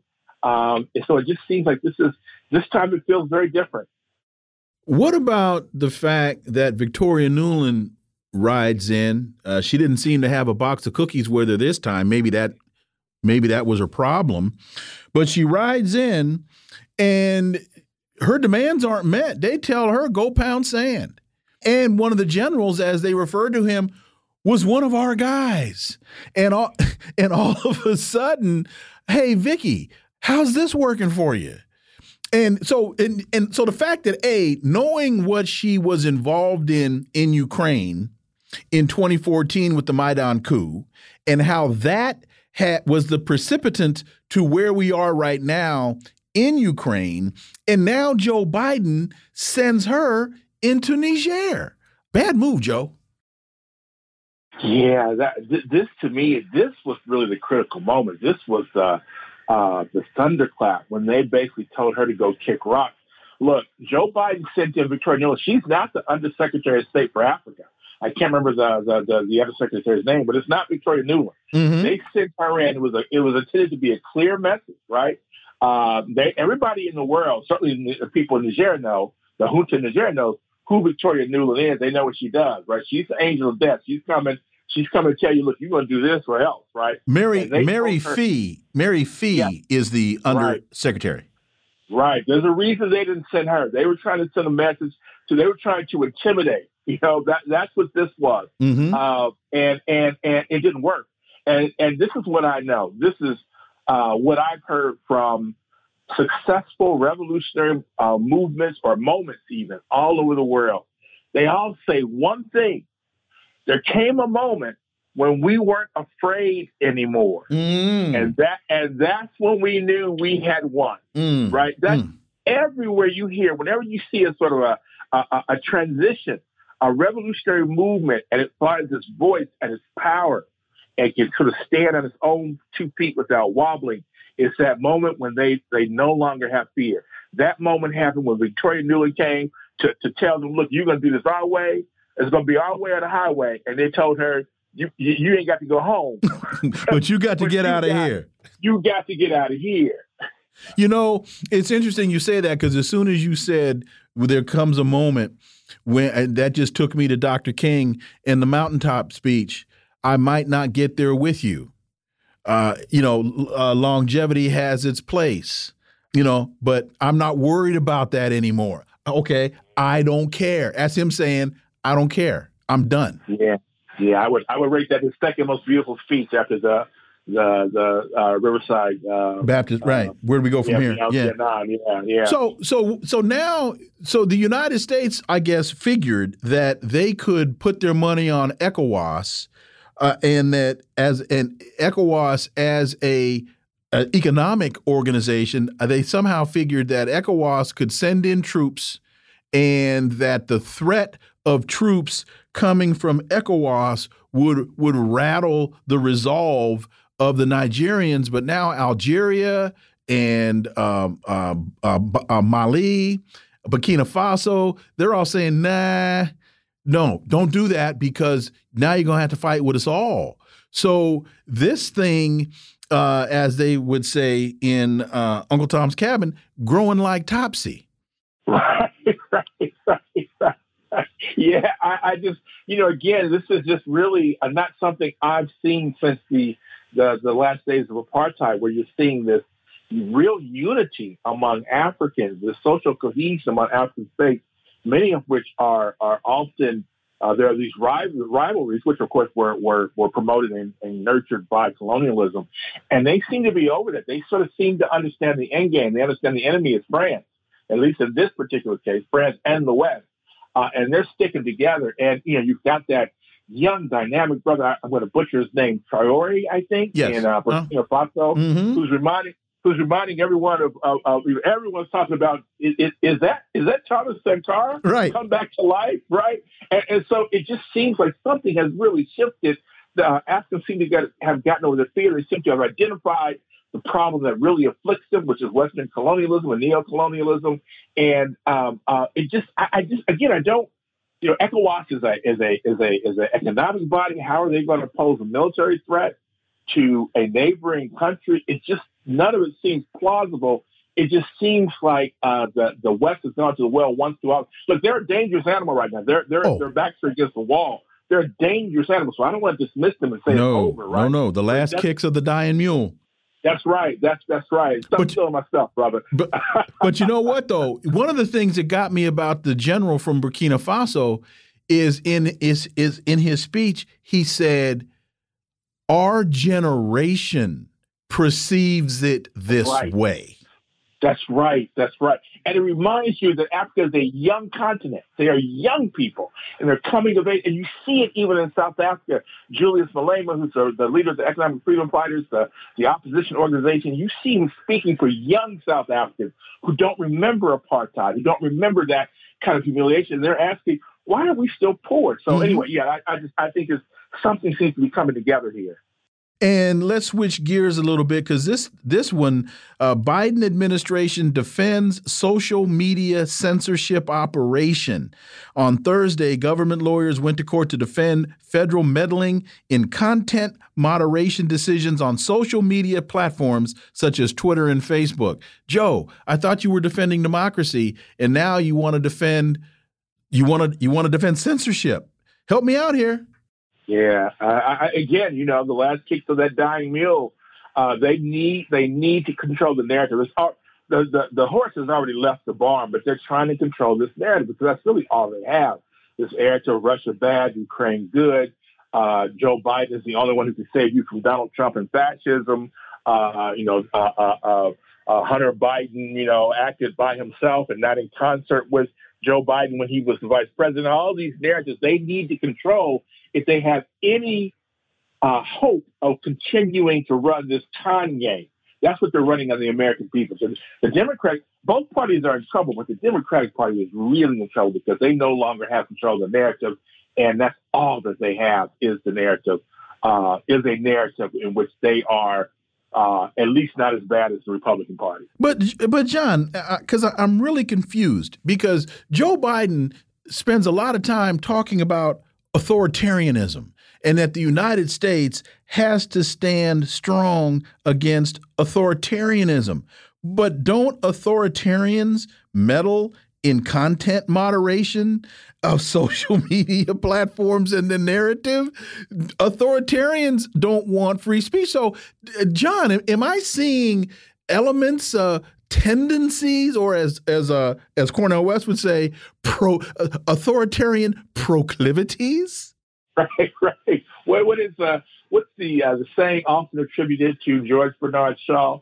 All criticism is a form of autobiography. Yes, right? yes. And so and so this is this is this is uh, Joe Biden, you know, uh, uh, you know, claiming that uh, everyone else is authoritarian, but the United States. You know, we're the Democratic state, but we've got all these military bases. We're stealing oil from Syria. Iraq has, I think, twice uh, the parliament has kicked us out, kicked the United States military out of Iraq. We refuse to go. And, and yet, Joe Biden has the nerve to point the finger at other countries, none of which has, uh, uh, uh you know, 700, uh, 800 military bases around the world. Uh, that's only the United States. But Joe Biden, you know, sees fit to, to, to criticize everyone but himself. We got about a minute and a half left. Mondoweiss, AIPAC looking to target Omar, Bowman, and other progressives in Democratic Party primaries. I first take issue with them being called progressives. But if they're progressives, God save the Queen, Joe Biden. Jon Jeter. Yeah, I, I don't. Uh, they're not progressives. I think they are very much in jeopardy. AIPAC uh, did this. Uh, what was it? Two years ago or a year ago? I think mm -hmm. uh, they took out a lot of their adversaries, people they see as their adversaries in Congress. Uh, the exception, one of the they did it. They did was, it in Ohio in the midterm. Yes, yes, and they aimed at uh, uh, um, uh, oh, the woman in Minnesota. I'm sorry, you just said her name. Um, uh, Omar, Il- Ilhan Omar. They did it to her. Yeah, yes, and, and they and they barely lost. The big defeat was in St. Louis, where Cori Bush won re-election by I think a fairly wide margin over an AIPAC candidate. And the reason for that is because uh, Cori Bush has widespread community support, widespread support from the Ferguson, from the from the St. Louis and the Ferguson community, which saw Michael Brown die. She's a product of that movement. So that means that Bowman and o- Ilhan Omar are in trouble because I don't think they enjoy that kind of widespread community support and can gin up turnout the way that I think Cori Bush was able to uh, to defeat her AIPAC selected opponent. And really quickly, when you listen to Omar and you listen to Bowman and you listen to so many of the others, you'll get some rhetoric, but what you don't get is legislation. With, with, progressives like these, who needs Zionists? oh, I like that. Jon Jeter, as always, thank you so much for your time. Greatly, greatly appreciate that analysis. Look forward to having you back. Thank you, brother. Folks, you're listening to the Critical Hour on Radio Sputnik. I'm Wilmer Leon. There's more on the other side. Stay tuned.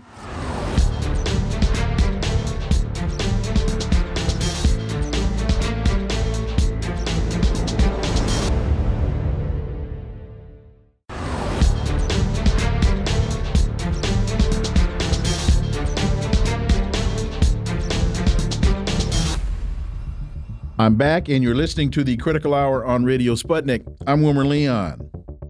Antiwar.com has a piece entitled Niger May Be the Next U.S. Proxy War. People who recall how the U.S. and its NATO partners, along with their propaganda mouthpieces in the news media, generated public support for a proxy war in Ukraine may be experiencing a sense of deja vu. Well, folks, is this, as the great philosopher Yogi Berra proclaimed, deja vu all over again? Well, for insight, let's turn to my next guest. He's an independent journalist, political analyst, and reporter for RT, Caleb Maupin. As always, Caleb, welcome back. Sure. Glad to be here as always. So the piece continues. A similar effort is now underway with respect to Niger and other countries in West Africa. Washington is upset about a recent military coup in Niger, which was the latest ouster of a pro Western government in that region. U.S. leaders are concerned not only because the coup uh, has underscored the fading influence of France, the former colonial master, but because the insurgents have adopted a friendly stance toward Russia. Your thoughts, Caleb Maupin? Well, I think that what would be best for the world right now is a de escalation. Uh, I think that it's a good thing to see African countries assert their independence, uh, make clear they're not colonies of France or any other Western country, but they have the right to economic independence, to export uranium to whoever they want to, to structure their economy however they want to, to raise their people up out of poverty. I think it's great to see African countries assert their independence, but at the same time, I feel like a, a big war throughout that region, which could be the result of the events that is happening before our eyes right now, uh, that would not be a good thing. Um, and I think a de escalation would be ideal. Some kind of arrangement where the various governments of that region that are on various sides of this conflict, uh, that are making a lot of heated statements and threats. Uh, my hope is that we could reach some kind of arrangement where, you know, not everyone can get what they want, obviously, but it doesn't lead to an all out conflict because, you know, that region in particular uh, has been the site of a lot of turmoil and a lot of killing and a lot of death over the past uh, hundred years. Uh, and I think that's related to the oil. You know, that Niger Delta region is full of oil. It is it is the top uh, region for oil, you know, uh, in the African continent at this point. Uh, and uh, you know there there has been all kinds of conflict. When you talk about the Biafra War that went on, and and you know different coups that have happened in Nigeria. Uh, you talk about you know there's been all kinds of insurgencies and wars that went on there, and and an escalation that would involve all kinds of death would not be ideal. Um, so you know I'm all for independence, but yeah, let's let's hope this can de-escalate. So to that point, and following your logic, do you see ECOWAS being able to withstand the pressure from the United States to be the point of the United States spear if military intervention were to be engaged in, promoted, supported, encouraged uh, by the United States? I think that a number of African countries are just starting to realize that Russia and China are giving them a better deal economically. Uh, and it's not a, a deeply political statement. Uh, you know, in some cases it is. I mean, in, in, in Niger, we heard a lot of statements about colonialism and African independence and the legacy of, of different anti-colonial fighters in the region. But it's not always a deeply political statement. It's simply a matter of, of economic cooperation and benefit. You know, I went to the World Conference of Parliamentarians uh, and I heard uh, different African leaders get up and talk about the partnerships they have with Russia's state-run mining corporations and how the state-run mining corporations of Russia have partnered with their country to develop their own state-run mining corporations and to enhance their ability to enrich themselves from their uh, mineral wealth, from their natural resources, and that that a lot of countries are going to move in that direction. Uh, and the United States has no business uh, being all over Africa the way it is. You know, AFRICOM and the huge U.S. military presence there in terms of drones, in terms of all kinds of different forces uh, the the United States is there to you know assert its will, and it says it's there ostensibly to fight terrorism. It's there to help with development or bring stability. But we know the United States is there because they don't like seeing uh, these countries assert their economic independence. And I think that part of whatever comes out of this situation is going to have to be a decreased role of the U.S. military on the African continent. No question about it. Switching gears, Middle East Eye has a piece Iran nuclear deal opponents conspired to oust U.S. Special Envoy Robert Malley. Iranian hardliners cooperated with individuals in the U.S. to spread false information about now sidelined Iran envoy. This is from sources in Tehran. Uh, your thoughts, Caleb Maupin? I've got questions about this, right? So, you know, Iranian hardliners, those are the most strong adherents of the Islamic Revolution. Those are the ones that are, you know, tied to the Islamic Revolutionary Guard Corps. Uh, those are the ones that thought Rouhani and his negotiations of the Iran nuclear deal was dangerous to Iran and was a, was a threat. Um, and the people in the United States who opposed the Iran nuclear deal tended to be Netanyahu's biggest supporters. Uh, they tended to be uh, individuals that were huge supporters of Israel, very Islamophobic, and uh, wanted to justify Israel's continued military budget and did not want to see a thawing of relations, as kind of was hinted at under Obama, though it didn't really come about despite the nuclear deal going through. I would have a really hard time thinking that hardline Netanyahu supporters and hardline Islamic revolutionaries would uh, get in cahoots and conspire together against one official. I have a really hard time believing that. Not saying it didn't happen, uh, but it doesn't exactly match uh, anything that, that I could I could see happening and, and visualize. And I've got questions about it. And as you and I know, when it comes to matters of Iran and diplomatic and uh, espionage intrigue with Iran, U.S. media is full of just straight up deception and lies.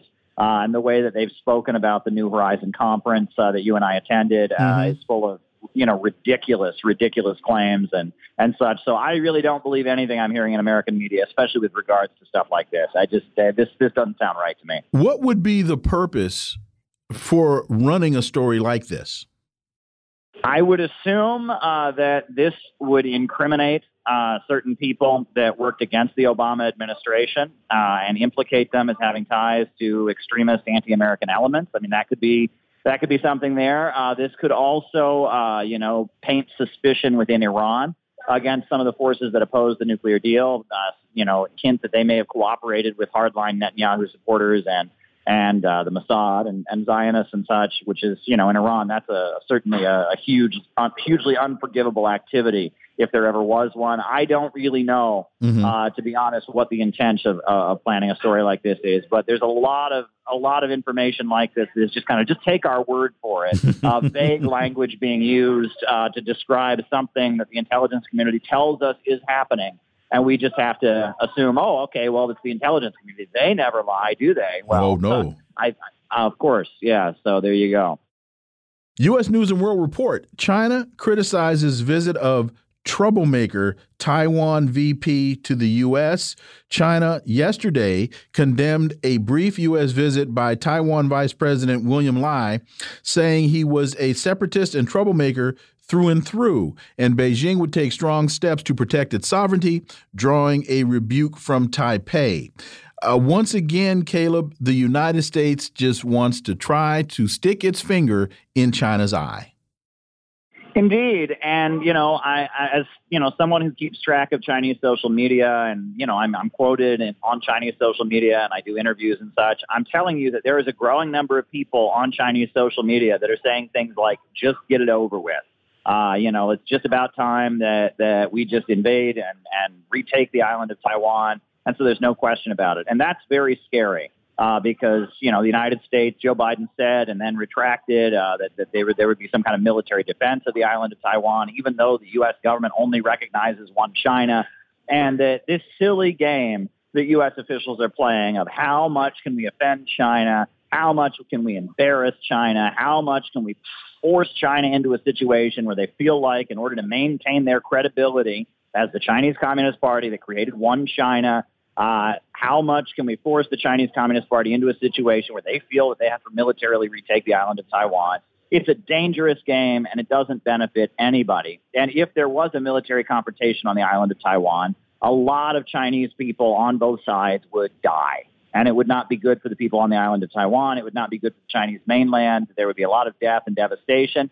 And it wouldn't be good for the United States of America either, because at that point, the global community would be further divided. And this is a losing situation for everybody. But it's pretty clear that our country's run by a lot of technic- technocratic, uh, plutocratic elites uh, who are convinced uh, that they can't have China rise as an economic power and a competitor on the global market. And so anything they can do to weaken China, to threaten China, to taunt China, to set up a situation where it would be easier to isolate China, they're willing to do their interests do not align with the interests of the American people. That is overwhelmingly clear. Consortium News has a really interesting piece by Joe Lauria. Caroline Kennedy says U.S. open to Assange plea deal. The U.S. ambassador to Australia told a Sydney newspaper that, quote, there's absolutely could be a resolution, end quote, of the case just weeks after Secretary of State Blinken told Australia that the prosecution would continue. Your thoughts, Caleb Maupin? Well, when I read that story, I was a little bit surprised, and it made me wonder what's really going on here because it seems like you know the extradition of Assange and his trial under the U.S. Espionage Act has been something that that almost the entire U.S. political establishment has circled around as an unquestionable thing. You know, only dissidents like you and I uh, and Tulsi Gabbard, and you know, I, I guess we got former former uh, Alaska political figure uh, Sarah Palin and some others uh, that have spoken up in, in support of Julian Assange, but for the bulk, the bulk of the American political establishment seems to support it. What I would speculate may be the case here is that that while uh, while they're very happy to have Julian Assange, while they're very happy to you know have him in the custody of the British and it seems like now they're realizing that the extradition of Julian Assange would make the trial of Julian Assange in the United States imminent. And it may be that there would be information presented to the U.S. public during that trial that uh, certain officials do not want released. You know, if he just goes to Australia and gets tried and on, on a smaller charge, or if he just stays indefinitely in Britain in this kind of legal limbo, that's one thing. But if he comes to the United States and they put him on trial, uh, he's going to have the opportunity as Mr. WikiLeaks to present all kinds of information to the world in his defense. And I, I think there may be some U.S. officials who are afraid of what he might have up his sleeve and what could be presented to the courtroom. And the international media would watch the trial. That would be clear. Um, and the USA would have a very hard time making its case that what they're doing is not a blatant act of censorship and political persecution, uh, which is going to be quite difficult to do, even with a sympathetic media watching. Does it matter or does it mean anything that this is uh, Caroline Kennedy? I know she's the U.S. ambassador to Australia, but I have found her voice to be conspicuously absent up until now. And with her cousin running for president, uh, I'm just wondering where was she a year ago? Indeed, and you have to wonder what's being said in the back room. Uh, the other thing that's interesting is that among Julian Assange's supporters now is Kari Lake, uh, who is the you know the candidate for governor of Arizona, who maintains that she won the race, that it was rigged against her, was maintains that the, the race was rigged against Donald Trump in 2020, and that the fraud happened in her home state of Arizona. Um, and that I, I think there are divisions among the elite when it comes to the prosecution of Julian Assange, and that you know Robert Kennedy's candidacy, it, you know, it seems like there's more going on than just uh, uh, someone from a well-known Democratic family running for president. it seems like there's divisions within the Democratic Party and within the establishment overall about about the policies of the Biden administration, and that even the entire Democratic Party is not behind Joe Biden. Uh, and that opinions that have been declared by mainstream media to simply be MAGA opinions have probably penetrated to some degree or other, at least the local government, uh, you know, uh, uh of the Democratic Party, the urban political machines. Uh, there are probably a number of police officers, judges, and others on the local levels of the Democratic mm-hmm. Party, you know, that, that share some of these views that are forbidden. So I think that's what's going on there. Caleb Maupin, as always, thank you so much for your time. Greatly, greatly appreciate that analysis. We look forward to having you back. Sure. Always a pleasure. Folks, you've been listening to the Critical Hour here on Radio Sputnik. Thank you for allowing my voice into your space. I hope you were informed and enlightened, and I look forward to talking with you all right here Wednesday on Radio Sputnik. Be safe. Peace and blessings. I'm out.